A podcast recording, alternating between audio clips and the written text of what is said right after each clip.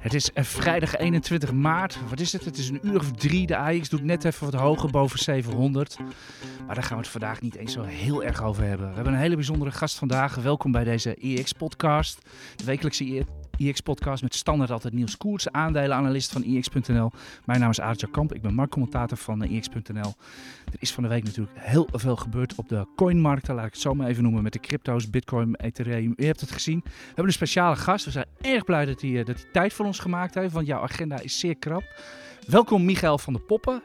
Je zegt zelf dat je econoom bent, maar je bent misschien wel beter bekend als de bekendste cryptohandelaar van Nederland. Waarom moeten we je econoom noemen? Nou, omdat ik dat gewoon gestudeerd heb. Dus uh, ik heb gewoon uh, economie gestudeerd aan de Universiteit in Amsterdam. En uh, mijn moeder zegt altijd, als je hem gehaald hebt, moet je hem ook gebruiken. En ik heb gezien dat bij andere mensen die, die geen studie hebben afgerond, maar dan wel zeggen dat ze bepaald iets, een nastreven of een bepaalde wiskundigheid hebben of iets dergelijks, dat dan gelijk een universitaire opleiding erbij moet. Dus nu heb ik hem, dus ik gebruik hem ook. Want soms zeggen mensen, of ze geven mensen het niet aan. En dat vind ik dan wel vervelend. Uh, dus ik ben gewoon econoom van huis uit en uh, handelaar, ja. Bij deze. In ieder geval, we gaan het uh, uiteraard met Michael. Uh, nou, hij gaat eigenlijk ons leren, want crypto's zijn niet echt ons ding, uh, Niels, denk ik. Nee. Wij zijn echt van de aandelenmarkt en ja, ook wel een beetje de obligatie- en de, en de commodity-markt. Maar Michael heeft veel meer verstand van, van coins, crypto's, et cetera. Daar gaan we het uitgebreid over hebben. we doen eerst even een algemeen rondje de brede markt, zoals u van ons gewend bent. We hebben een vragenrubriek. Daar gaan we het uitgebreid met Michael over de crypto's hebben. En tot slot van deze uitzending zijn er ook nog wel wat aandelen waar we nog even naar moeten kijken. Alphen, je hebt zelfs nog een tip van de week. Niels. Die is erg leuk. Daar hadden we al flink ruzie over net. Dus uh, luistert u zeker. We gaan het nog over HAL hebben. Misschien nog even OCI. Tesla, daar zit nog wat in. En nog even Shell, want daar was die aandeelhoudersvergadering. De brede markt. Ik geef eerst maar eens even het woord, uh, woord aan onze gast. Uh, wij vinden dat... De, nee, daar hadden we, ook al, hadden we ook al oneenigheid over. Ik vind dat de AX zijwaarts beweegt sinds een maandje. Zo ongeveer tussen, tussen 6,80 en 7,20. Jij denkt daar een beetje anders over. Hoe kijk jij naar de AX? Kijk je daar überhaupt naar, uh, Michael? Nou, mijn kantoor is op Beursplein. En daar hangen van die hele mooie schermen waarbij we alle, alle exchanges van Euronext zien. Wel. Dus ik zie, volgens mij is het een Ierse, Italiaanse en een Franse en dat soort, Belgische zie ik allemaal daar. En ik zie de AX ook de hele rond de 700 hangen. Ja, ik vind dat niet spannend, maar ja, ik zit in de cryptomarkt. ja. is, is, vind je het niet spannend omdat het, ja, die, die cryptomarkt die zit wat dat betreft, vergelijk je met de aandelenmarkt een hefboom van hier tot Tokio op. Vind je het alleen maar leuk als het heel hard beweegt? Of, uh? Nou, ik ben gewend dat het heel hard beweegt. Dus ik vind het vooral... Ik moet trouwens ook zeggen dat heel veel aandelenhandelaren het ook heel saai vinden wat de indexen tegenwoordig doen. Ik, uh, we hebben wat uh, DAX-handelaren bij ons op de vloer. En die vinden het ook behoorlijk saai. Maar ja, ik ben de crypto's gewend en daar gaat het meestal met 10, 20 procent per dag omhoog en omlaag. Ja, of nog meer. Dus ik denk ook niet dat ik die stap terug kan doen, omdat ik dat als natuur heb en alles wat minder is, is saai. Maar goed, ik vind daar eigenlijk dus zijwaarts. Niels, jij denkt daar vast wel anders ja, over. Ik, ik denk er heel anders over. Ik bedoel, dan hebben we het over een maand. Ja, een maand zijwaarts. Ja, wat is nou een maand, weet je? Dat is zo kort. Als ik kijk naar begin dit jaar, is, is de AX nou zoiets van 13% hoger? Ja, zoiets. Dat vind ik een aardige beweging, want dat is pas na vijf maanden. Dus als je dat een beetje doortrekt, nou, dan heb je een best aardig rendement op uh, jaarbasis. Uh, ja, dit is, dit is uh, dubbel zo hard als het normaal gaat, bij wijze van. Of tenminste het jaarlange, gemiddelde jaarlange rendement. Ik denk ook dat we een beetje verwend zijn. Als je kijkt, afgelopen jaar zijn die bewegingen zo fors geweest. En ja, we, we, naderen toch het einde van de lockdowns. En, en, en je ziet dan dat, dat die markt gewoon rustiger wordt. Alhoewel op dagbasis nou, hebben we deze week nog een aantal uitschieters gehad. Maar ja, dat hoort erbij. Ik, ja, ik, ik, ik, zie, uh, ik zie geen zijwaartse markt nog. We zullen het wel zien. Uh, de rentes? Ja, die, gingen, die gingen eventjes omhoog, maar de, de laatste dagen weer wat omlaag. Dus ja, ik vind zelf de markt een beetje besluiteloos op dit moment. Misschien dat ik dat ook wel een beetje, bedoel met zijwaarts. Alsof we op een nieuwe trigger zitten te wachten. we hadden natuurlijk een tijd lang van, ja, wanneer zijn die lockdowns over? Wanneer gaat de economie weer open? Hoe zit het met die inflatie, et cetera? Nu komt er een beetje tekening in de strijd. En iedereen lijkt elkaar een beetje aan te kijken. Ja, wat nu eigenlijk? Ja. ja, die trigger wat mij betreft zal dat toch het tweede kwartaalcijferseizoen waarschijnlijk met die, met die bedrijfscijfers. Dat duurt nog anderhalve maand. Dat duurt nog wel eventjes, ja zeker. Maar ik denk wel dat het daar vandaan kan komen. Want als we hebben gezien in dat eerste kwartaal waren die cijfers al behoorlijk goed. En ik zie geen aanleiding dat daar uh, in ik het zag, tweede ik zag kwartaal behoorlijke outlookverhogingen voorbij komen. Ik zag, het zat net nog even op Twitter te kijken. JP Morgan Chase verhoogt de winst per aandeel van de S&P 500 tot 225 dollar per fictief aandeel S&P 500 voor volgend jaar. Deelt hij maar door de koers, heb je de koers-winstverhouding. Ja. Dus uh, wat, wat, is het uit je hoofd dan? Ik heb 20, echt, ja, 20 of zo? Ja, zoiets. ik weet het, het, is, niet het is nog altijd best wel hoog. Uh.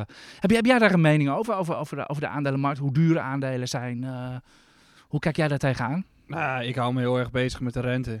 Uh, want ik denk dat de rente op alles invloed heeft. En dat doordat die rente zo laag staat, dat daardoor juist de onderliggende waardes, dus de aandelen, vastgoed en dergelijke, zo hoog staan. Dat is leuk dat je dat zegt, want ik hoorde eigenlijk nooit, uh, als ik zeg maar crypto-handelaar of crypto-beleggers, die hoor ik eigenlijk nooit over de rente. Wel over inflatie misschien, maar wel over rente. Waarom ja. let je daarop?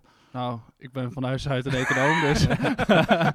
nee, um, uh, ik denk dat zeg maar, de bitcoin-markt, dat daar nu, doordat die groeit, er steeds meer variabelen belangrijk worden. Dus de macro-economische dingen worden steeds belangrijker. En de rente is daar een onderdeel van.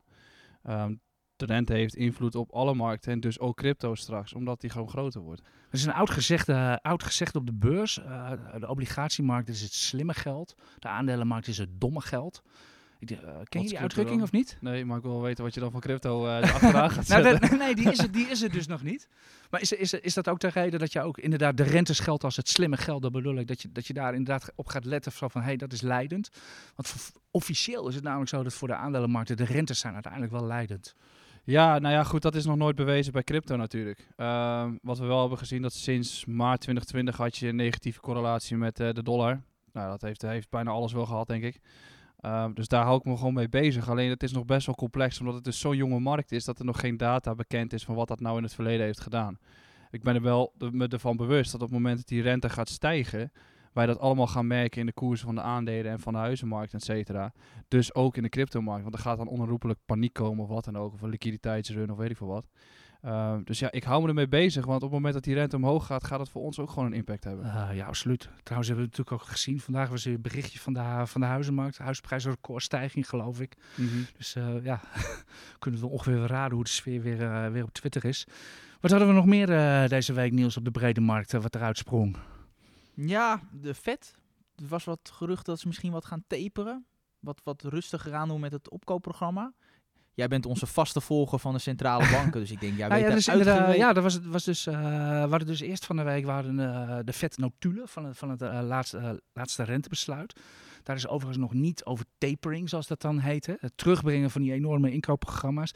Dat is nog niet besproken, maar de bank zegt wel dat ze ervoor openstaan in de, in de komende vergaderingen. Dus dat betekent waarschijnlijk, ja, dat is een beetje. Bij die centrale banken moet je altijd tussen de regels doorlezen. Waarschijnlijk dat het wel op de agenda komt te staan, of wat dan ook, dat het ter sprake komt, of wat dan ook, dat ze erop gaan letten. Ik vond het eigenlijk interessanter wat er gisteravond uitkwam van de, van de Federal Reserve. En jij moet maar zeggen in hoeverre dat nou toeval is dat dat gisteravond gebeurde. Na al de tumult wat we vooral woensdag gezien hebben op die cryptomarkten. Is dat de Federal Reserve gaat met een whitepaper komen deze zomer. Dus waarin ze globaal hun ideeën neerzetten over, over crypto's. Want ze willen natuurlijk met een eigen munt gaan komen. Het heette ook dat uh, de crypto's daar gisteren weer op daalden. Er was daar ook nog een fiscale paragraaf in van... Uh, ja, u moet ook taxes gaan betalen als u in die, in die crypto's handelt. Uh, heb jij dat gisteren meegekregen? Hoe kijk, hoe kijk jij er tegenaan, tegen dat vet bericht? Ja, ik was vond je, het, mij... vond je toeval ook dat het gisteravond nou, verscheen? Nee, nee, het is een beetje op het moment dat, je, dat de markt omlaag gaat... krijgt negatief nieuws de spotlight. Dat is, dat, is, dat is altijd zo en dat is het sentiment. Dus negatief nieuws is waar mensen zich naar grijpen. Alleen... Uh, ik was volgens mij aan het livestreamen op het moment dat dat gebeurde. Uh, hij klapte niet echt omlaag. Uh, maar dat we regulaties gaan krijgen in de cryptomarkt is op zich gewoon vrij normaal. Het is ook vrij normaal dat de overheid graag daar belasting over wil gaan, wil gaan heffen. En de grap is, met blockchain is alles te traceren in principe. Dus dat wordt ook nog een stuk makkelijker ook. maar ik denk dat als de markt groter wil gaan worden, dan hebben we dit gewoon nodig. En het klinkt misschien nu, nu misschien negatief of iets dergelijks, maar dat is het helemaal niet. Want juist doordat je regulaties gaat krijgen, kunnen grote partijen in gaan stappen. Want die hebben dan meer een fundament om juist die keuze te kunnen maken. Terwijl nu is het nog een soort van Wild West en niet gereguleerd, et cetera. Um, het gaat juist voor sta stabiliteit brengen, denk ik. Ja, ja. Wat, wat, wat Wild West zeg je tegenaan? Ik, ik zit zelf met, met open mond te kijken naar wat bijvoorbeeld Elon Musk uitspookt, als ik het zo mag zeggen. Ben je niet de enige. Dat, uh, ik bedoel, ik vind daar aan alle kanten, ik kan het niet bewijzen. Ik weet ook niet zo, of het zo is dat hij zit te frontrunnen of wat dan ook. Het is in ieder geval volstrekt onduidelijk wat, wat zijn posities zijn uh, als hij twittert, hoe hij dan twittert, et cetera. Ik denk van, toevallig zijn, zijn we met, uh, met, met een commerciële partij bezig om misschien wel over sponsoring van deze podcast te praten. Nou, en als je dan ziet hoeveel disclaimers er zijn, et cetera, want alles is zo streng gereguleerd. dat, ver, dat heeft nog een hoop voeten in de aarde. En dan zie ik inderdaad een cryptomarkt waar zo'n zo Musk en ja, eigenlijk iedereen, dat geldt ook voor jou. Dat zou ook voor ons kunnen gelden. Je kan gewoon roepen waar je zin in hebt. Ja, ja, kijk, twee dingen. Ehm Elon kan roepen wat hij wil, omdat het natuurlijk niet gereguleerd is. Maar als hij het roept vanuit Tesla, is hij nog steeds de lul. Dus op het moment dat straks eh, bekend wordt dat Tesla wel gekocht heeft, eh, dan, dan is er wel een dingetje, want dan heeft hij het vanuit zijn bedrijf gedaan. Ehm, daarnaast, ik denk dat op het moment dat het gereguleerd wordt, dat het ook met terugwerkende kracht alsnog, dat je nog aangepakt kan gaan worden. Dus eh, ik, Hoezo, ja, hoezo denk je dat? dat? Dat kan toch helemaal niet, juridisch? Of? Nou, ik denk dat op het moment dat het duidelijk is vanuit die, al die influencers in de crypto space, dat ze moedwillig zelf eh, een munt hebben lopen pompen, dat je alsnog aangepakt kan gaan worden. Dat zal waarschijnlijk eh, in een van die wetten wel weer gedaan worden. Ehm, omdat er, er gebeurde allemaal van dit soort dingen. Elon Musk is dus een s- is gewoon een voorbeeld van alle kleinere influencers die het met kleine muntjes doen en hetzelfde spelletje uithalen. Het is gewoon een pump en dump. Alleen Elon Musk heeft in het begin van deze week, of vorige week, heeft hij die markt iets omlaag geduwd. Wat er na maandag is gebeurd, heeft hij geen invloed op gehad. Want hij heeft toen gezegd, eh, Tesla heeft geen bitcoins verkocht. En daarna heeft hij zijn mond gehouden. Dus die echte daling omlaag was nog iets heel anders. Daar heeft hij niets mee te maken. Ja, ja. Dus het heeft, ja... En dat was, dat was dus China. Nee, ook niet. Want China is oud nieuws in een nieuw jasje. In principe. Want dat is zoals sinds 2013 zeggen ze dat al. Ik denk dat het eh, verschillende ja, dingen ja zijn even geweest. voor de goede orde. eh, eh, China kwam va- van de week met het bericht dat de fi- financiële inst- instellingen van het land mogen, mogen de bitcoinhandel niet meer faciliteren. Zeg ik dat zo goed? Ja, ja, Ja, maar je mag nog wel als Chinees mag je nog wel gewoon bitcoin aanhouden. Ja, Ja. dus ik heb laatst was het een maand geleden of zo, was er ook hetzelfde nieuws uit Turkije. Die zei toen ook van dit mag je allemaal niet meer doen. En nou, ik heb een following in Turkije, dus ik heb contact met die Ja, mensen daar. En- Met, met, de, met de neergang van de lira is dat misschien niet zo gek natuurlijk. Hè? Ik kan Nee, me goed, goed. voorstellen dat Turken graag eh, bitcoin kopen. ja, en dus moment. is het een bedreiging voor een Ja. interne systeem. En toen vroeg ik ook aan hun van joh, wat is er nou veranderd sinds dit nieuwsbericht? Ja, niets. Wij mochten dit al niet en nu mogen we het nog steeds niet. Dus er is, zeg maar, je ziet een nieuwskop, maar wat verandert er daadwerkelijk? Ja, niet veel. En wat is voor jou dan wel de reden waarom het zo hard omlaag ging eh, woensdag? Eh, verschillende dingen. Ik denk dat het één ehm, waar ik achter ben gekomen is dat op dat ontiegelijk veel mensen in leverage posities zitten, zaten. Eh, heel veel nieuwkomers zaten in een hefboom, zaten in eh, leverage grote posities met een hele spaargeld. Want dat is schijnbaar hoe je crypto handelt, want het is nog niet volatiel genoeg. Ehm, dus op een gegeven moment onder die 38.000, dat is het psychologische niveau waar eh, Elon Musk destijds gekocht heeft. Ja, klopt. Ja, dat was eh, begin februari of zo Ja. geloof ik. Ja, ja. Daaronder kreeg je deze kettingreactie aan liquidaties. En precies op dat moment ehm klapten de exchanges eruit. En de, de, de belangrijkste exchange daarin is Coinbase. Coinbase is een soort van algemene datavoorziening voor Binance en Kraken en al die andere exchanges. En die klapten eruit, die deden niet meer. Dus die datavoorziening en die ko- API-koppelingen werkten niet meer, waardoor alle exchanges ineens een hele grote spread kregen en de liquidity providers niet meer aanwezig waren. Is dat waarom ik zo'n krankzinnige tick-by-tick grafiek krijg tussen 3 en half 4, et cetera, met de tikken van 5, uh, 6000 Ja, ja, dollar? ja, dat eh, zag ik live op ja. de exchange ook. Tussen Ja. spot en, fut- en futures op Binance zat een gat van 6%. Nou, dat moet niet kunnen. Dus die exchanges vlogen eruit. Ehm, waardoor die, dat hebben we vorig jaar maart 2020 met Bitmax gehad. Die vloog er ook uit en we hadden toen naar nul kunnen gaan. En wat er op dat moment gebeurd is, dan leggen ze hem gewoon stil. Want heel veel mensen konden niet handelen op die exchanges. En om ervoor te zorgen dat het dus niet nog verder naar beneden ging. Want er lagen gewoon, ge- orderboeken waren leeg. Dus we hadden letterlijk gewoon hetzelfde kunnen hebben als in maart 2020. Doordat een centrale exchange eruit vloog, klapten we verder. Anders waren we nooit naar 28 of 30 gegaan. Dan waren we ergens op 36, 37 teruggeklapt. Maar door die gigantische leverage posities en opties en dergelijke, ging het in de kettingreactie en dan versnelt het gewoon. En dat dan met iedereen zeg maar conspiracy theories aan het zoeken is of een reden voor dat het gedaald is. Ik denk dat Elon Musk een effect is geweest. Ik denk dat China geen effect is geweest. Uh, maar dat er gewoon algemeen paniek is geweest. En dat daar juist de liquiditeit zat. En dan rang gaat het door. Gewoon puur, gewoon, gewoon puur een credit, ja, een marktevent eigenlijk gewoon. Om hier even een cijfer bij te geven. Ik las er straks op Bloomberg dat er in 24 uur, dus zeg maar die woensdag, dat er 887.000 traders zijn, zoals het Bloomberg het noemen, zijn geliquideerd. Kijk jij raar op van dat cijfer? Nee, ik denk dat het nog meer is. Ik denk, en is het toverwoord gewoon weer leverage? Ja, maar dat is dus waarom we regulatie nodig hebben. Want in Ja. de aandelenmarkt kunnen Peppy en Kokkie niet met 125x traden. Ja, je hebt CFD's, maar um, je kan niet, niet zeg maar, bij Binance kun je werkelijk alles doen met je geld. En het is gewoon een casino. En omdat al die YouTube-influencers heel veel geld verdienen aan affiliates vanuit dat soort exchanges, um, zit iedereen vervolgens in leverage posities met hun spaargeld. Ik heb ik heb woensdag op zich niet heel veel moeite gehad met die daling. Dat, dat ging nog wel. Had je, Was- zat, je zelf in die markt? Had je positie? Ja, ik zat long, dus ik heb hem in principe wel, eh, wel gevoeld. Alleen ik, had, eh, ik zat eerder te denken van oké, wat is er aan de hand waarom dit zo gebeurt wat ik nu zie. je hebt wel gevoeld, zeg je, maar je staat dit nu heel nuchter te vertellen. Zo van, eh, ja, ik heb een klets om Ja. gehad. Nee, Eh, maar dat ho- is- hoort erbij, ik zit op de blaren en morgen zien we wel weer. Nou, ik had in mijn hoofd dat we naar, eh, naar 37, 38 zu- zouden gaan. En op het moment van dit zitten we op 41,5. Dus in principe is er in mijn analyse niets veranderd. Alleen we hebben een hele grote outlier naar beneden gehad. Waar ik het meeste mee te doen heb, is dat ik... Gisteren was dat. Of ja, gisteren was dat. Toen heb ik mijn Twitter DM's opengegooid. En ik heb denk ik tien mensen of verhalen gehoord van mensen die gewoon al hun geld zijn kwijtgeraakt en van de, van de flat af willen springen. En wat zeg je dan tegen die mensen? Ja. Want je hebt ze wel geantwoord, denk ik. Of, eh, Ja, maar je kan ze geen geld geven. Het enige wat je kan doen is een hart onder de riem. En dat je gewoon Ja. long, long-term horizon moet hebben. Dat geld niet alles is.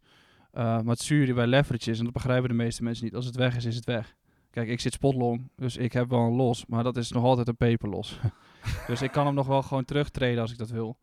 Uh, maar voor die mensen is het gewoon einde verhaal. En, maar geld is niet alles. En aan de andere kant, als je nuchtere Nederlander bent, zeg je gewoon, ja, weet je, pik, eigen schuld. Ja, zo is dat het is het eigenlijk ook wel gewoon. Alleen dat kan je niet maken. Dus um, ik ben wel eens in die positie geweest dat ik echt heel veel geld verloor. En ook dacht van, nou oké, okay, uh, ik ben hier nu wel echt depressief van. Um, dus ik kan begrijpen hoe mensen zich voelen.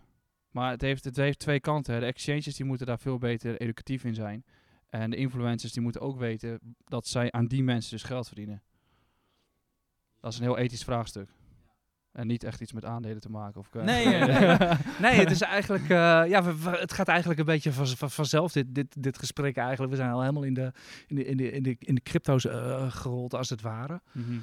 Maar uh, ik, ik, ik, schrik, ik schrik wel een beetje van jouw verhaal en eigenlijk ook wel van, van het Bloomberg-cijfer. Ja, maar die 900.000 ik, ik, ik, ik, zat, ik, zat, ik zat te kijken naar die, naar die wat ik je net zei, die tick-by-tick grafiek. Uh, die zag ik echt voor mijn ogen heen en weer stuiteren. Als je wilt zien, ik heb hem, hij staat in mijn Twitter-timeline, dus gaat u, gaat u even, even kijken. Maar ik zat toen al te bedenken, zo van hier gaan heel veel mensen worden hier nu voor mijn ogen geruineerd. Ja, ja. En maar dat, dat jij zeg maar die hele wijde tikken ziet, is dus omdat die API's van die liquidity providers er niet zijn. Want als die liquidity providers, de voor, of market makers, ik weet niet hoe jullie ja. die jullie uh, ja, de, ja bij die termen gebruiken wij ook. Oké, okay. maar als, zeg maar als die er niet zijn, dan zijn die orderboeken flinterdun. Dus hij kan werkelijk overal heen op de meest simpele order. En die lag eruit. En dat is precies waarom we zo laag zijn gegaan. En waardoor letterlijk iedereen zelfs met een keer 2 leverage er doorheen gejankt is. Want op uh, Binance Futures ging Ethereum naar 1400. En op spot ging die naar 18,5. Dus dat geeft maar aan dat het gewoon echt eruit lag op dat moment. Ja, dit is, uh, ja dit, is, dit is gewoon een markt waarin de mannen van de jongens worden onderscheiden, toch? Of, uh, ja, je wordt heel snel opa. Oké. Nou, dat was even zeg maar over ja, wat er, wat er dus, dus, uh, dus van de week, uh, week allemaal mag gebeurd is uh, in die markt. nou, likt u misschien zelf uw wonden of misschien hebt u eraan verdiend. Als we dan gewoon eens even bij het, bij het begin beginnen. Wij doen gewoon net, Niels en ik, wij doen gewoon net alsof wij een beetje leken zijn. Dat zijn we ook eigenlijk wel een beetje in deze markt. Ik heb zelf echt nog nooit in, in crypto's gehandeld. Hoe zie jij nou crypto's? Hoe zit Bitcoin, uh, Ethereum? Ik zeg altijd gewoon heel dom Ethereum, uh, Litecoin, noem ze allemaal maar op. Je kunt er trouwens zelf in inmiddels al 10 minuten zelf één beginnen. Zag ik, zag ik gisteravond op Bloomberg voorbij komen. Heb je al een eigen coin of niet? Nee. Ben je dat nee, van plan nee, of niet? Nee, ook niet. Ja, is nou, Popcoin niet een hele leuke naam voor jou? Of? Nee, dat is, dat is eigenlijk verkeerd. Ik zou... Uh, het is een persoonlijk dingetje, maar op het moment dat ik het goed doe in mijn leven, dan wil ik wel een eigen coin beginnen als een charity. Dus dan wil ik het uh, op die manier teruggeven aan de maatschappij. Los daarvan, um, je hebt zeg maar Bitcoin, Ethereum en de hele DeFi-wereld of de decentrale wereld die wij bouwen. En je hebt de meme-coin-wereld uh, met Shiba Inu en Dogecoin en al die gekke ja. uh, troep. wat niet in het nieuws is gekomen, is dat op woensdag de grootste exit-scam ooit is geweest. En dat is Pancake Bunny. Dat was ook een van die meme-coins. Daar is 200 miljoen snel, uit ja. weggehaald. 200 miljoen. Wat bedoel je uit weggehaald? Nou, je kan zeg maar, als je een DeFi coin hebt of een, een, een ja, een DeFi coin op een nou ja, pancake swap of iets dergelijks, dan moet je liquidity in providen om ervoor te zorgen dat mensen nog kunnen traden. Als er geen liquiditeit in zit, is het dank nul. En wat die gasten hebben gedaan, die hebben als het ware hun posities verkocht en de liquiditeit eruit gehaald. En daardoor is 200 miljoen verdampt qua waarde van die munt. Is het niet gewoon diefstal? Uh, ja. Maar, goed, het, het, ja, nou, het mag ja, niet. Op de aandelenmarkten word je door de boevenwagen van de SEC uh, met gloeiende sirenes afgehaald. Hier kan dat. Sommige gasten dat- die het gedaan hebben, die, eh, die zijn ook gepakt. Alleen, het toch gepakt? Of, ja, maar dit, ja, weet je, als het anonieme dudes zijn, succes ermee. Dat is 200 miljoen. Dat geeft me weer aan hoe riskant het is. Uh, ja, dus dat is ook de reden waar, waarom ik nog steeds niet toegekomen maar ben. dat is wat anders dan Bitcoin en Ethereum. En daarom Ethereum... Ja, dat is, dat is eigenlijk een be beetje, uh, beetje een vraag om mee te beginnen. Hoe zie jij die dingen? Zie je dat, zie je dat nou als munten, als, als coins en die eventueel de, de dollar en de euro gaan, gaan vervangen of, of elders in deze wereld? Zie je dat nou gewoon als, als gewoon software, als encryptie? Of zie je dat als een, een waardeopslag? Hoe, hoe, zie jij, hoe zie jij die dingen? Of misschien wel alle drie. Dat is echt een hele lange vraag eigenlijk. um, mag een kort antwoord geven? Nou, ik zie Bitcoin als de store of value. Um, en het is nog geen betaalmiddel, want we hebben nog geen solutions gevonden of oplossingen gevonden om het ermee te kunnen betalen. Die zijn er wel, uh, maar die zijn nog in ontwikkeling. Dus voor nu is het nog een spaarmiddel, zo zie ik Bitcoin. Ik, ik wil sparen in Bitcoin in plaats van investeren. En dan heb je nog, zeg maar, um, dan kun je wel in met je bitcoins gaan betalen of gaan overmaken of investeren. Maar je moet ervoor zorgen dat wij geld naar elkaar kunnen lenen of dat wij financiële instrumenten kunnen bouwen. En dat is Ethereum. En die probeert een soort van het nieuwe internet te zijn waarbij jij niet informatie overdraagt, maar dat jij waarde overdraagt. En dat is het doel van blockchain. Dus dat wij op een gegeven moment, Ja. stel een huis willen verkopen aan elkaar, dat dat via zo'n smart contract platform, dat wij dat huis kunnen overdragen aan elkaar zonder dat wij naar een notaris moeten en duizenden kosten moeten Ja. dragen. Ja, even, eh, ik, was zat van de week bij eh BNR Zaken doen. Dan doe ik op woensdag altijd het beurspraatje. En daar was Dennis Dijkstra te gast. Dat is de CEO van Flow Traders. Mhm. En ik vroeg hem daarna van, ik, ik weet dat Flow Traders mee bezig is, inderdaad, met die coins, et cetera. Nou, hij begon echt helemaal te stralen over inderdaad die mogelijkheden die eh, inderdaad het encryptie heeft, van dat je heel snel met elkaar zaken kan doen. Ja, als je nu bijvoorbeeld een aandeel koopt, als, als ik, wij zijn tegenpartij, ik, ik noem maar wat. Eh, ik, ik koop jouw aandelen. Als je dan ziet hoeveel partijen daar eigenlijk nog allemaal achteraan komen als market makers, de beurs, de hele clearing wat er achteraan komt. En dan mag je misschien ook nog wel de toezichthouders bijschuiven. Als dat Ja. met één klein, eh, in een één kleine transactie eh, kan, dan, en dat alles meteen juridisch gedekt is, et cetera, ja, dan maakt het er zeer aantrekkelijk. En dan zullen partijen als Flow Traders ook wel bovenop moeten zitten, want anders zijn ze voor ze weten zijn ze kalt gesteld. Je ziet dat, sceptisch. ja. Nou, je ziet dat nu met bijvoorbeeld PayPal. Eh, je kan Bitcoin kopen via PayPal. En wat zij, eh, wat zij daadwerkelijk doen, is zij hebben een intern systeem eh, of een blockchain systeem, een decentraal systeem in PayPal zelf of i- ieder andere kaart waar je het mee kan doen. Ehm, en stel hypothetisch, je gaat naar de Al- Albert Heijn toe, je gebruikt zo'n kaart en je betaalt daar of je rekent daar euro's af. In jouw kaart of in jouw systeem wordt dan bitcoins afgeschreven. Dus de tegenpartij ziet helemaal niet dat jij met bitcoin betaalt. Er wordt gewoon euro's overgemaakt. Maar in jouw systeem wordt bitcoins als het ware er afgehaald, zodat dat allemaal weer gebalanceerd wordt. En één keer in de week of één keer in de maand zorgen zij dat op het bitcoin blockchain het verwerkt wordt, zodat alles weer netjes eh, op de journaalposten goed staat. Dus die oplossingen komen er al. Alleen iedereen heeft het tegenwoordig over meme coins. En over de nieuwste hondenmunt die er is. Maar dat soort dingen zijn super vet. Want ook binnen de ziekenhuiswereld. eh doktoren zijn de helft van de tijd bezig met alles eh, aan het bijschrijven en aan het doen. Hoe vet zou het zijn als wij gewoon een blockchain space hebben. waarbij dat allemaal geautomatiseerd kan. Dat die kosten flink omlaag kunnen gaan. Ik Ja. snap het, maar mag je, wat, wat, er- wat er nu aan de hand is, eh, je moet maar zeggen of, of het klopt. Ik vergelijk het met 20, 25 jaar geleden, met de, met de dotcom-hype, met, met de dotcoms. Toen was iedereen het erover eens. Internet, dat gaat het helemaal worden. Nou, dat is het inderdaad ook geworden. Ik denk nog meer dan iedereen heeft kunnen dromen. Maar al die aandelen waar wij toen mee bezig waren, eh, zegt Netscape iemand nog iets? Of dat we Ah. Yahoo als zoekmachine gebruikten? Van Ge- ja, het? GeoCities, heeft iemand, heeft iemand daar nog van gehoord? Of World Online? Ja. In ieder geval, de aandelen waar wij toen mee bezig waren, die, die zijn er allemaal niet. Er zijn andere bedrijven voor in de plaats gekomen die, nou ja, goed, we weten het van Facebook, Amazon, et cetera, van hoeveel winst ze halen, hoeveel omzet ze behalen. Is dat bij die, bij die, bij die coins ook niet het geval? Ja. Die, die crypto, dat, dat gaat het hem helemaal worden. Maar al die, die muntjes, die coins, of hoe je de crypto's, hoe je ze maar noemen wil, daar hebben we over tien jaar niet meer van gehoord. Ja, sowieso van heel veel ga je nooit meer wat horen. Ehm, ik zie heel veel nieuwe munten die starten waarvan ik denk, ja, wat ga je doen? Ehm, zeg maar, de conclusie die je hieruit kunt trekken, blockchain is, gaat blijven. Ik denk dat bitcoin niet meer weggaat uit onze wereld. Misschien dat het ooit wel uitdooft omdat er betere munten komen die wel schaalbaar zijn. Maar blockchain en de hele decentrale wereld gaat waarschijnlijk niet weg.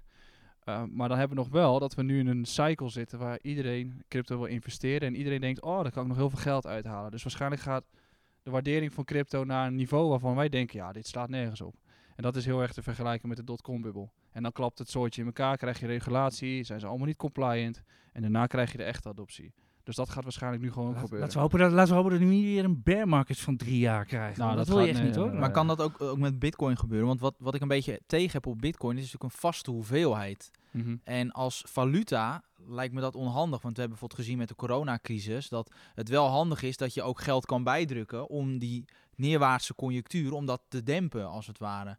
Dat gaat als je, als je eh, bitcoin als valuta hebt, gaat dat moeilijk. Dat is eigenlijk hetzelfde, dat is eigenlijk hetzelfde bij goud. Eh, Destijds had je natuurlijk ook de, de goudstandaard. Hè, Een economie kan nooit groter worden dan de hoeveelheid goud die er is.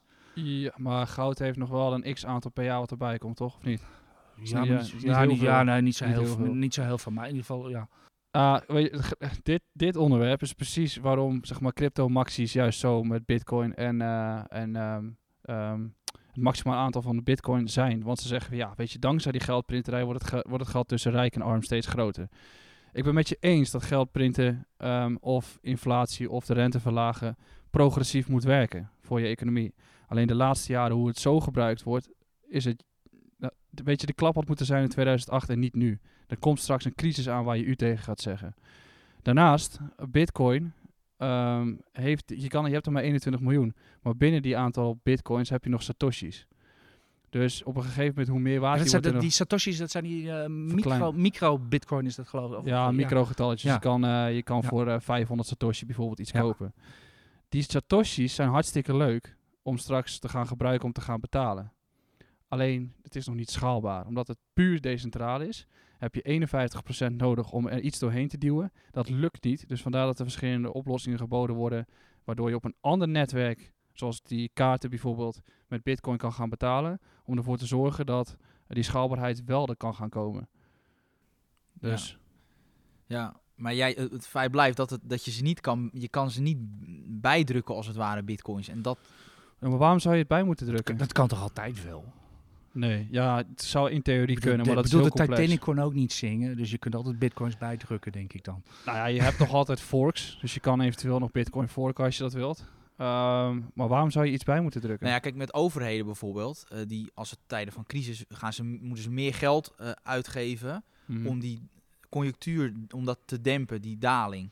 Als, ze, als, ja, als, als een bepaalde bitcoin hoeveelheid, ik- dan kunnen ze niet meer investeren bijvoorbeeld. Dat lijkt me wel een probleem. Een beetje Als ze door- monetaire instrumentarium je kwijt, kwijt. bedoel je? Hè? Ja. Dat, dat, dat, dat- dat je op de rem kan trappen bij oververhitting en Ja. dat je kan aanjagen. ja, maar bij- dat is precies het punt. Hebben ze op de rem getrapt bij oververhitting?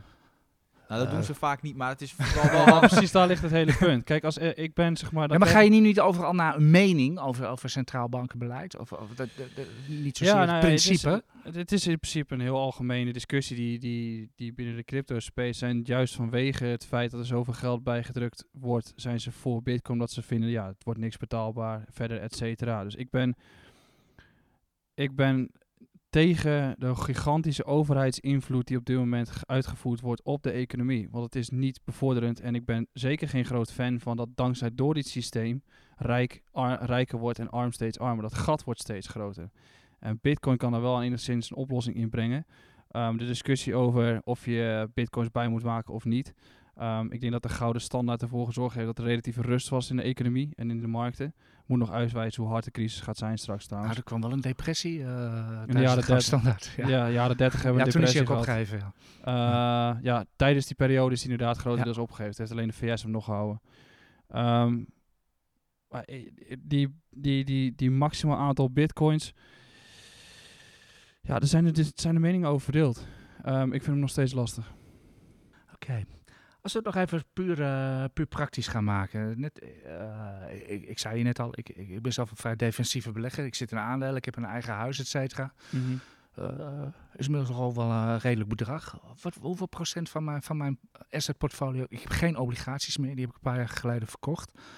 Uh, en ik ben boven de 50, dus ik zou ze strikt genomen wel moeten hebben. Ik denk dat jij wel bekend bent met, met uh, hè, dat je risico moet afbouwen als je mm -hmm. belegt in de loop van, uh, van, je, van, je, van je leven. Wat zou jij mij aanraden, wat voor percentage blockchain ik in mijn portfolio zou moeten hebben?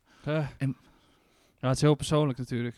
Uiteraard, maar... maar, maar, maar, maar nou, kijk, stel je hebt de mogelijkheid, dan zou ik je huis verkopen te bitcoin stoppen.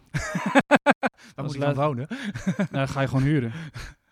Dat is, letterlijk, uh, dat is letterlijk wat ik, als je het echt extreem ik, veel risico ja, Ik denk dat ik alleen niet meer slaap dan. Uh. Ja, dat is voor iedereen zich. Ik huur gewoon prima. Ik heb expres niet een huis gekocht. Ehm, maar Bit, ja, je hebt uh, Willem Middelkoop heeft de verdeling 25, 25, 25, 25. Dus 25% cash, 25% commodities, 25% aandelen en 25% volgens mij real estate. Um, in Ja, mijn, vastgoed. Ja. ja, vastgoed, ja. Ik ben zelf van de andere verdeelsleutels, maar goed. Ja, het is Eh, voor iedereen, ja. iedereen een ding. Ehm, ik vind zeker dat je ergens richting die 20, 25 procent moet gaan met cash en bitcoin. Dus die combinatie van die twee. Dus geld op je rekening en dan kun je bitcoin daaraan toevoegen. En En ik heb dan- zelf veel meer hoor. Maar ja, En moet je, moet je dan alleen bitcoin nemen of moet je een aantal hebben? Of, eh, Nou ja, de mensen hebben meestal een mandje van 50 van die dingen. 50 verschillende munten. Ehm, ik vind dat het grootste gedeelte van jouw portfolio, dus dan heb je het echt over minimaal 80%, eh, moet bitcoin en ethereum zijn. Ik denk dat ethereum heel erg onderschat wordt met de mogelijkheden. Van je crypto portefeuille. Ja, van ja, ja, ja, ja, crypto dat begrijp ik. Ja.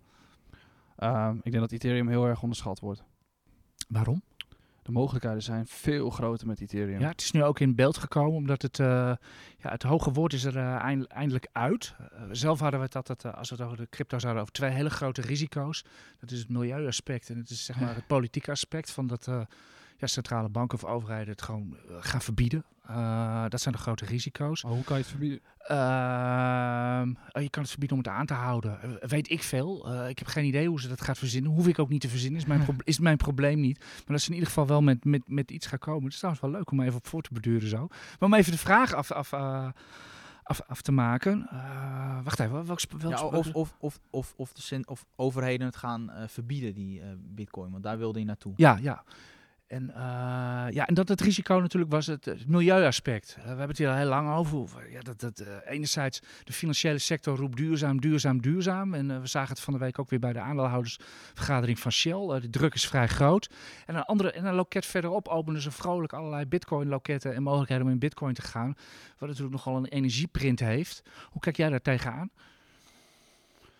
Ja, dat hele energievraagstuk, dat is denk ik de afgelopen weken het alleen maar over gegaan met Elon Musk. Ehm, ja, Elon Musk heeft het gewoon met één tweet op de kaart gezet. Ja, maar dat is gemeen. Want ehm, Oh, ehm, er staan ook eh, verschillende soort threads op, eh, op Twitter... waarbij hij zelf met Michael Saylor, dat is die eh, CEO van MicroStrategy... een gesprek heeft over de duurzaamheid van de energie die gebruikt wordt bij bitcoin.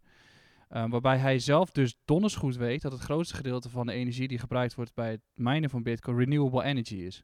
En er is inderdaad een klein gedeelte wat gebruikt wordt door die kolen in, eh, in, eh, in China. Maar het meeste is renewable energy. Dus dat hij het argument nu gebruikt van oké, daarom doet Tesla niet meer in bitcoin, is niet het argument. Want hij weet zelf donders goed hoe het zit. Ja, dat is die jaren geleden natuurlijk al. Ja, die, man dus- is niet, die man is niet gek. Nee, dus dat we het er nu weer over hebben is wel... Het haalt het waarschijnlijk weg van zijn eigenlijke agenda. Wat Ehm, is die? dat Ja, oké, maar we hebben, dat nu, we, hebben, we hebben het nu over, over, over Bitcoin zelf en die, en die, en die footprint. Jij vindt het wel meevallen? Nou ja, de energie die gebruikt wordt om het systeem te laten werken, is inderdaad de energie die, die, waar we het nu over hebben, de hoeveelheid daarvan. Gedeelte daarvan wordt door kolenmijnen of kolen gebruikt in China. Het grootste gedeelte is renewable energy. Ik vind het wel meevallen, want die, die energie is meestal energie die toch niet gebruikt wordt. ehm, overbodig, overtollig. En daarnaast ehm, is het renewable energy. Dus ehm, Bitcoin is daar wel echt de problemen met proof of work. Ethereum heeft ook proof of work, maar die gaan naar proof of stake. Dus daar heb je überhaupt dat hele, de hele discussie niet. Dus eh, om al- alvast een, een vraag te behandelen. eh, ik- hoor je Ja, we enthousiast hebben heel, veel, we hebben heel veel lezersvragen Ik- gehad. Dus, ik, eh, ik, ik ja. hoor je enthousiast over Ethereum en ik kreeg een vraag van Dominique van der Kloof. En die vraagt van, ja, waar ligt je voorkeur bij Bitcoin, Ethereum of Litecoin? Sowieso Litecoin niet. Ehm, als ik van die drie de voorkeur zou moeten zeggen, dan neig ik toch naar Ethereum. Ja, en dat kan ook groter worden dan, wat, jou, wat jou betreft, wordt dat waarschijnlijk groter dan Bitcoin. Ja. Ik ben een van de weinigen die eh, binnen Nederland denkt dat eh, Ethereum eh, groter wordt dan Bitcoin. Maar ik denk dat de mogelijkheden gewoon groter zijn. Want we kunnen. Kijk, Ethereum is niet volledig decentraal als Bitcoin. Ehm, en wordt heel veel aangebouwd door, voor juist dat, zeg maar, dat decentrale internet. Ehm, en de discussie over inflatie, deflatie wordt daar ook bij Ethereum anders. Kijk, Ethereum heeft niet die maximum aantal supply. Ehm, daar komen telkens token bij, tokens bij, maar er worden ook telkens tokens geburnt. Dus wat is nou de daadwerkelijke inflatie? Hoe meer het gebruikt wordt, hoe meer tokens geburnt worden. Ehm, en daarnaast de mogelijkheden zijn gewoon veel groter. Dus het hele smart contract platform en schaalbaarheid, dat gaat er gewoon voor zorgen dat dat waarschijnlijk onze hele nieuwe internet gaat zijn. Dus ik ben daar veel positiever over dan Bitcoin zelf. Oké, heel helder. Ehm, Ja, en eh, nu nog een vraag over. Hè. Er was iemand die was een beetje geschrokken van de daling van afgelopen woensdag. En die vroeg eh, Ja, Anton. als, als ik je even, Ja? maar, even, maar overbreek. De, de maximale daling was, was 50%. Ik heb, eens- ik heb de, hele- de, de hele Bitcoin-grafiek bekeken van, van een jaar of eh, sinds 2010, zeg maar. Er zit een paar keer min 80 in, nog een keer min 50. Eh. ik heb zoiets van, als je hier niet tegen kan, tegen dit soort... Je, je weet dat je dit om je oren kan krijgen. Is dat zo? Of hoe zie, hoe, zie, hoe zie jij dat? Daar moet je toch gewoon rekening mee houden, dat je gewoon even min 80 gaat in een week? Nou, eh, de hele, hele discussie over of het volwassen wordt, wordt dan wel gewoon, eh, daar kan ik geen antwoord meer op geven, want dat, dat wordt het zo niet. Ehm, maar je moet je rekening mee houden dat vorig jaar rond deze tijd stond Bitcoin ongeveer 5.000, 6.000 dollar. En nu staat het op eh 41,5 ongeveer. Ehm, Ethereum was ook heel hard gegaan, dus daar was wel een correctie gewoon heel erg mogelijk. Het gaat niet in één, richt, één ruk omhoog. Alleen dat hij dus nu verder gegaan is dan die 36, 37 is waarschijnlijk te wijten aan die exchanges. Ja, dat heb je Daardoor- allemaal uitgelegd. Ja. Ja, en Ethereum is daardoor ook gewoon veel dieper gegaan. Ja, en verwa- voor zo'n daling die we woensdag hebben gezien, dat was een vraag van Anton. Eh, kun je, kunnen we die op korte termijn weer verwachten? Of zeg je echt van, dat zou ik echt niet weten, dan, dat kan ook. Nou, als je er echt... En meestal als er zo credit event, als we het zo maar even noemen, wat er woensdag is, als een credit event is, dan, dan spijkert meestal de industrie de, de deuren binnen no time dicht. Dan dichten ze dat gat meestal heel snel. Nou ja, je Dus- hebt, je hebt zeg maar, je hebt overshoots aan de bovenkant, dus dat die verticaal doorschiet en dan komt hij ook heel hard terug. En je hebt diezelfde ook aan de onderkant. Dus als je zo'n crash krijgt, als het echt een bull cycle is, dan kun je teruggaan in die hele cycli van 2014 tot 2017. Dan komt hij niet meer daar terug. Dus dan is het een hele harde, diepe wik omlaag en dan stuit het die gelijk terug. Wik omlaag. hè. Ja, het is, Ja, een het- crash even omlaag. ja, nee, ik vind het mooi jargon. eh, dus, eh, Eh, ik hou van jargon, dus ga door. Ja. Nou ja, dat gebruik ik in mijn termen. Maar eh, nee, dan krijg je die klap omlaag en dan wil je eigenlijk dat hij gelijk terugsfeert. Dus dat hij gelijk terugspringt, dat dan laat zien dat Gewoon het V. Ja. En nu, hij heeft in principe alweer, staat hij 30, 40 procent hoger dan, dan in die klap omlaag. Dus waarschijnlijk is dit hem geweest. Het heeft zoveel pijn gegeven. Iedereen is door elkaar ge- gehusseld. Nou ja, net als hij, 870.000 mensen liggen er definitief uit. Ja, Dus, nou ja, eh, dat is in principe genoeg bloed toch, aan de onderkant. Even heel cru gesteld. Ja, Ja, maar dus- zo is het als, u een beetje, als u een beetje schrikt van, van dergelijk taalgebruik, eh, dames en heren. eh, als je ooit ergens op een dealingroom komt of wat dan ook, of tussen de, tussen de echte handelaren zitten, wat dan ook, dan wapperen uw oren af en toe wel even hoor. Want, want met de stress en de adrenaline, en zeker als er wat verliezen zijn of er wordt gewonnen of wat dan ook, er willen nog wel eens wat eh, krachttermen eh, uit, eh, uitrollen. Ah, het was woensdag ook Ja, wel ik echt, heb- ik even heb op de zelfs- ik heb beursvloer was het ook echt heftig hoor. Ja, ze gingen echt mensen over de rooien of niet? eh? nou nee, ik weet wel dat de mensen om mij heen op een gegeven moment ook dachten van oeh. En je zag een beetje wel die angst in die ogen. Ja, ik, ik was ooit gast op een, op een dealingroom van een grote bank. En er ging inderdaad een handelaar door het lint. En, eh, en het viel mij op hoe, hoe snel, en- maar ook geroutineerd daarop gereageerd was. Ook collega's die keken amper op of om. Er was in de no time was er security bij. En het werd allemaal heel soepel, eh, werd het allemaal heel soepel geregeld. Dus, Ja. dus, dus, dus het hoort er natuurlijk wel een beetje bij. Dat je af en toe wel eens even, even helemaal gek wordt. En ook inderdaad wel dit soort, eh, dit soort taalgebruik. Maar heb je nog meer vragen, eh, Niels? Ja, er, wa- was, was er nog één binnengekomen. want er waren ook mensen die dachten, dit is wel een mooi niveau om te shorten. En kun je überhaupt short gaan in bitcoin? Ja, dat kan. Je kan ook in opties handelen als je wil. Opties op bitcoin. Ja, ik weet niet waarom je die zou willen gebruiken. Maar goed, eh, nogmaals, ik weet ook niet waarom je leverage zou willen gebruiken. Want ja, het is al volatiel genoeg. Eh, maar je kan short gaan, ja. ja. Ja. Ja, er zijn er heel veel die dus nu aan de onderkant geliquideerd zijn. En dan denken, hé, hey, het gaat straks nog een keer omlaag. Ja, dus is, is, dat, is, dat, is dat iets wat je te alle tijden afra- afraadt in de, in, de, in de coinmarkt, zeg maar? Om met leverage te werken? ja, Ook, ook, ook bij Tether, voor, dat de, soort ja, dingen? voor de massa sowieso. Ja. De enige mensen die leverage moeten gebruiken zijn degenen die professioneel ermee bezig zijn. Dus die, die het gebruiken als hedging tool. Ehm, of de mensen die echt fulltime ermee bezig zijn. Ik zelf doe het met maximaal 3 tot 5x als ik het doe. Maar ik Het zou is een het ieder- hefboom van maximaal 3 tot Ja. 5. Ja. Ja. Dat is, ook, dit- dit is, ook gangbaar op de aandelenmarkt, 2 Ja, tot dat, is- 4. daar is het gereguleerd ook volgens mij bij de aandelenmarkt. Dat zou bij crypto dus ook moeten. Eh, je hebt geen echt. Ja, je kan, niet zomaar, je, kan, je kan niet zomaar in turbo's gaan handelen met een hefboom 100 of zo. Hoor. Nee, dat, eh, nee, dat nee, daarom dat is Ja. juist goed. Ja. Eh, bij crypto zouden ze dat ook moeten doen, want het is gewoon een casino. En nu gaan shorten, ja, dat is dus het ding. De mindset is super negatief nu. Alles wat je ziet is ultra negatief en we denken allemaal dat het weer naar 10.000 gaat. Of tenminste, de massa denkt dat.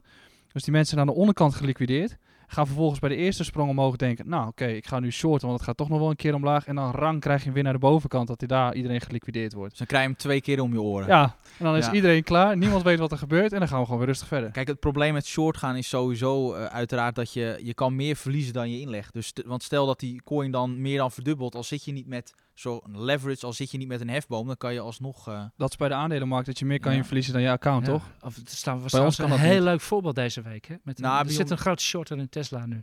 Nou, bij de Hm. aandelenmarkt is het... oh, ja, je hebt natuurlijk wel... eh, ja, je kan met een individuele positie op de aandelenmarkt kan je meer verliezen dan je inleg. Ja, Maar dat moet er wel genoeg dekking tegenover staan, dan kan dat. precies. Maar bij de crypto exchange is het zo dat je, eh, je max is in principe je account. Ja. En eh, ja, dus als je zeg maar cross aan hebt staan, dan ben je sowieso met al je posities, die gaan ze elkaar eh aflopen maken. Maar het is niet dat jij meer geld verlie- kan verliezen dan wat op je account staat. Nee, maar dat is ook zo, altijd wel zo eh, bij de aandelenmarkt, hoor. Je hebt daar altijd wel... de, Ja, met name de, verhalen toch? Ja, met name de brokers zijn er wel redelijk streng dat je, dat je genoeg ja, een soort van dekking achterhoudt. Dus. GameStop had je toch die ene kerel die zoveel geld had verloren. van Ja, maar dan gaat het wel. Dat zijn echt de excessen natuurlijk. Hè? Ja, dat, die halen natuurlijk ook altijd de pers. Hè? Ja. Dat, eh, Ja, dat maar zo is het ook ja. met corona. De meest erge gevallen halen de nieuws. dus ja. Maar goed, dat zorgt er wel voor dat iedereen een hele negatieve of positieve mening over iets heeft. We hebben inmiddels bijna een half uur, eh, bijna een half uur volgepraat. Ik heb nog, eh, dat is eigenlijk een vraag die stel ik gewoon even naar mezelf. Hoe zoek ik, ik heb, hoe zoek ik eigenlijk een coinbroker uit? Als ik eh, coinbroker intoets op, eh, op Google, dan krijg ik nogal wat adressen. Hoe vind ik in vredesnaam de weg? En hoe weet ik wat de goedkoopste is? En waar ik niet, eh, niet losgelaten word in de spread, et cetera. Hoe, zo- hoe, zoek je een broker uit op... Nou ja, je, kan naar coinmarketcap.com gaan. ja, die ken ik van de koersen. Ja. Ja, daar staan ook alle handelshuizen op. Daar staan ook de meeste slechte handelshuizen tussen trouwens, met het meeste nep volume. Ehm, als je binnen Nederland wil handelen, er zijn een aantal aangesloten bij de DNB. Dus daar zit je zo, zo relatief wel goed. Welke zijn dat? Ik weet niet precies welke het allemaal zijn, maar bijvoorbeeld volgens mij eh, bijvoorbeeld Bitfavo zit erbij. Ehm Amdax, maar dat is meer voor de vermogende beheerders, is dat eh, is een partij waar die aangesloten is. Dus daar kan je Laat, lijst laten, we, laten we gewoon zeggen voor het de Giro-publiek. Laat ik het zo maar even noemen. Mensen die allergisch Ah, zijn voor dan is kosten. Bitfavo is een ideale partij of Bitcoin Meester. Dat zijn gewoon de Nederlandse betrouwbare partijen. Je moet niet eh, naar een Chinese exchange gaan, want waarom zou je dat doen? Je bent toch in Nederland. Nou, Bitcoin meester ken ik altijd van de reclames op de, op de reclameborden bij de voetbalwedstrijden. dat is echt, eh, Bitcoin klopt, klopt, klopt. Ja. Ze zijn ook op Slam FM geweest een maand lang. Dus eh. Nou, maar dat is vrij simpel. eh, ehm, die, die, die staan bij de DNB. Dus dat is binnen Nederland gewoon die enige soort van... ja, de regulatie die er dan nog is, of de controle Ja. die er dan nog is, vind, je- vind je bij dat soort, dat soort partijen. Oké. Eh, dan nog één ding wat mensen altijd willen, wat mensen altijd willen weten, wordt ook als altijd ongevraagd, eh, wat doet altijd de AX? Wat gaan de koersen doen? Eh, je mag nog even roepen. Omhoog, omlaag of zijwaarts. ik zou het niet weten. Heb je op dit moment posities trouwens? Ik heb altijd geleerd dat de handelaren, zodra ze, hun, eh, zodra ze achter hun schermen weggaan, zitten ze glad, want anders heb je risico. Zit jij nu glad, want je staat hier nu gezellig met ons te praten, ondertussen staan de koersen te brullen. Nou, ik heb, eh, ik heb nog steeds mijn longposities op, eh, op de cryptomarkt. Omdat ik eh, iets meer aan het swingtraden ben dan aan het daytraden op dit moment. En dat is meer omdat ik mijn bedrijf aan het bouwen ben. Dus ik heb gewoon posities en ik maak me daar geen zorgen om. Oké, nou. Ik, merk, ik hoor net dat we al, al 42 minuten onderweg zijn. Het, eh, wat, wat gaan we nog doen in de drie minuten die we, die we onszelf nog toebedelen, Niels? Ja, Eh, p- misschien toch wel de tip van de week maar pak. Ja, eigenlijk ook vastnet wilde ik wel eventjes kort behandelen. Als het nog kan. of, eh, of zo Ik kijk jou even aan. Ja, ik, ik zit zelf ook even. Ik had niet in de gaten dat we al zoveel aan het, eh, aan het volpraten waren. Ehm, we hebben het wel beloofd. Zullen we het gewoon eens even voor de gein eens even een keertje heel goed? Ja, een tip van de week. Mag je in één regel zeggen waarom? Deutsche Telekom, ik heb hem al eens eerder genoemd. Ja. Ze kwamen met waarom, een- waarom moet je Deutsche Telekom hebben, niet KPN? nou, omdat ze veel goedkoper zijn, veel lager gewaardeerd en ook harder groeien dan KPN. Dat, eh, dat, lijkt, dat lijkt me duidelijk. En er waren er nog cijfers van Alfa deze week. Gaat het weer de goede kant uit met de Alfa? Na vorige week waren die cijfers. Alleen Sorry. al- we hebben al die De eh, bankadviezen kwamen deze de week. bankadviezen, eh, die kwamen er allemaal overheen. En die hebben die koers behoorlijk omhoog gezet. Ja, kijk, dat is wel het voordeel dat wij als, als premium bieden. Is dat wij wel redelijk snel zijn met de wat kleinere aandelen. Ja, want jij was de eerste, hè? Ja, ik was de eerste met, met Alfa. Ik keek daar al die, die ochtend naar. En ik zag al dat die koers was heel hard gezakt. Van, van 80 naar geloof rond de 50. Alleen die cijfers waren eigenlijk best wel goed. En ze gaven ook aan dat ze weer een groeiversnelling verwachten. Dus was er ook geen reden om je koersdoel omlaag te zetten. Dus ik had gewoon mijn koersdoel ge- gehandhaafd. Maar dan wel eh, mijn advies verhoogd naar buy. En wat zie je gebeuren de dagen daarna? Komt Berenberg komt ook en dan komen de, eh, er is nog een zakenbank, die komen ook met hun eh, adviesverhogingen. Ja, en dan gaat die koers zo plus 15. Dus de mensen die mee hadden gedaan met ons, ja, die, die hebben het meteen al eruit. En dat is wel een voordeel. Met dit soort bedrijven hebben wij gewoon ja, een voordeel daarmee. Nou, dus eh, dan heeft u uw abonnementsgeld er meteen uit. Nou, Niels, eh, met eh, ongegeneerde, ongegeneerde reclame. Wat, wat zullen we nog verder even doen? Je hebt een prachtig eh, verhaal van Berkshire Hathaway heb je op de site staan. Die moeten mensen dan maar even, even gaan lezen. Ga dat echt even, even doen. Eh, jij moet, jij moet nog die ene vraag stellen. We hadden ook nog een aandeelhoudersvergadering van, Shell. Ja, zeker. Ja. Want er was een, een, een bepaalde, een of er werd een soort van een, een motie ingediend, of een soort van er werd gestemd Ja. over, een, eh, ja, over dat follow this. Die willen dat Ja. eh, Shell groener worden, meer duurzaam. Werd toch 30% was voor. Dat was verrassend, toch? Ehm, ja, of het verrassend is, weet ik. Het is inderdaad wel een hoog percentage. De vorige keer was het nog 14%. Even voor de goede orde, Follow This, dat is de actiegroep van, eh, van Mark van Balen. Die willen inderdaad, het is een verzameling aandeelhouders. Daar, kun je meedoen en dan koop je aandelen Shell. Die willen inderdaad dat eh, Shell eh, veel ambitieuzer is dan het plan wat het bestuur zelf mee kwam. Dat kreeg overigens de steun van 80, 88% van de aandeelhouders.